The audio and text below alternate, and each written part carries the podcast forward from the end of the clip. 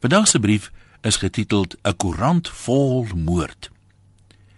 Hier's dit vraggies alweer. Professor Papenfoos kyk na sy selfoon. Hy en oupa anoniem met die rugby by ons kom kyk. Ek weet nie regtig of hulle twee op dieselfde intellektuele vlak is nie, maar hulle is hengelmaats die somermaande by Vleesbaai, so dalk kan 'n mens sê hulle lieg daarom ewe goed. Ouboet sit by, vermoedelik om eerstehands te probeer vasstel of professore regtig mense is. Wat is weer hier vra oupa nuuskierig. Nee kyk, die spannetjie wat sê boikot Naspers raak nou hysteries. Hierdie vrou sê professor en hy tik op sy selfoon. Sê hulle is nou al 23000 boikotters en hulle is so suksesvol tot huisgenoot lê by die tille of bly by die tille lê daar op hulle dorp. Nou maar moet hulle nie liewe vir media 24 boikot nie wonder oupa. Ek dink ons hulle wat die huisgenoot in die beeld in die koerante uitgee. Nou hoekom boikot hulle oupa? Vra ouboet belangstellend.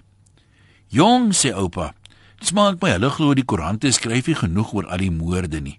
Volgens hulle is daar 'n volksmoord aan die gang, maar die media verswyg dit glo. Ouboet is egter nie heeltemal tevrede nie.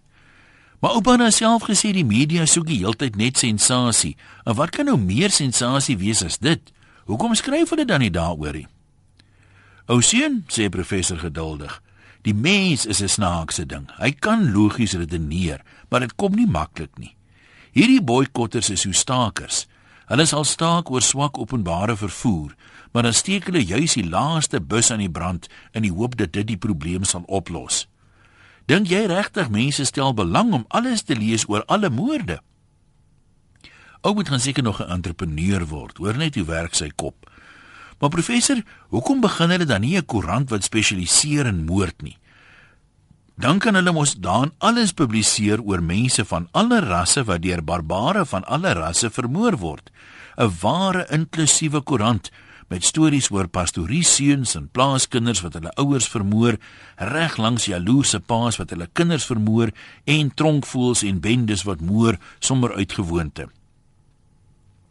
Maar hoe gaan hulle besluit wat kom op die voorblad? 'n Mens lees so min van moorde onder swart mense dat ek al begin wonder of die pers nie teen hulle diskrimineer nie. Hoekom hoor ons nie hulle stories nie of word hulle nie vermoor nie? As dit so is, dan is dit mos veiliger in die townships as hier op die bult. Nou hoekom trek ons aan die township toe nie? Osean, mense wil nie van alle moorde weet nie. Hulle stel net belang in die moorde op hulle eie mense en ook nie as hulle deur hulle eie mense vermoor word nie. Hoe suksesvol dink jy gaan die boikot van gesinstydskrifte nou eintlik wees, vra oupa? Sal hulle huisgenoot weer koop as hy ook meer oor moord skryf? Ouma, hierdie vrou sê huisgenoot bly by hulle tille lê, maar wys vir my 'n Afrikaner wat by hom gaan verbyloop as haar 'n hartseer storie op die voorblad is oor 'n sewende laan akteur wat rou oor die dood van sy seun. Maar die ding wat my die meeste pla, is dat ek net vanoggend 'n boodskap van hierdie selfe vrou wat my nooi om hierdie boikot aan te stuur op Facebook gesien het.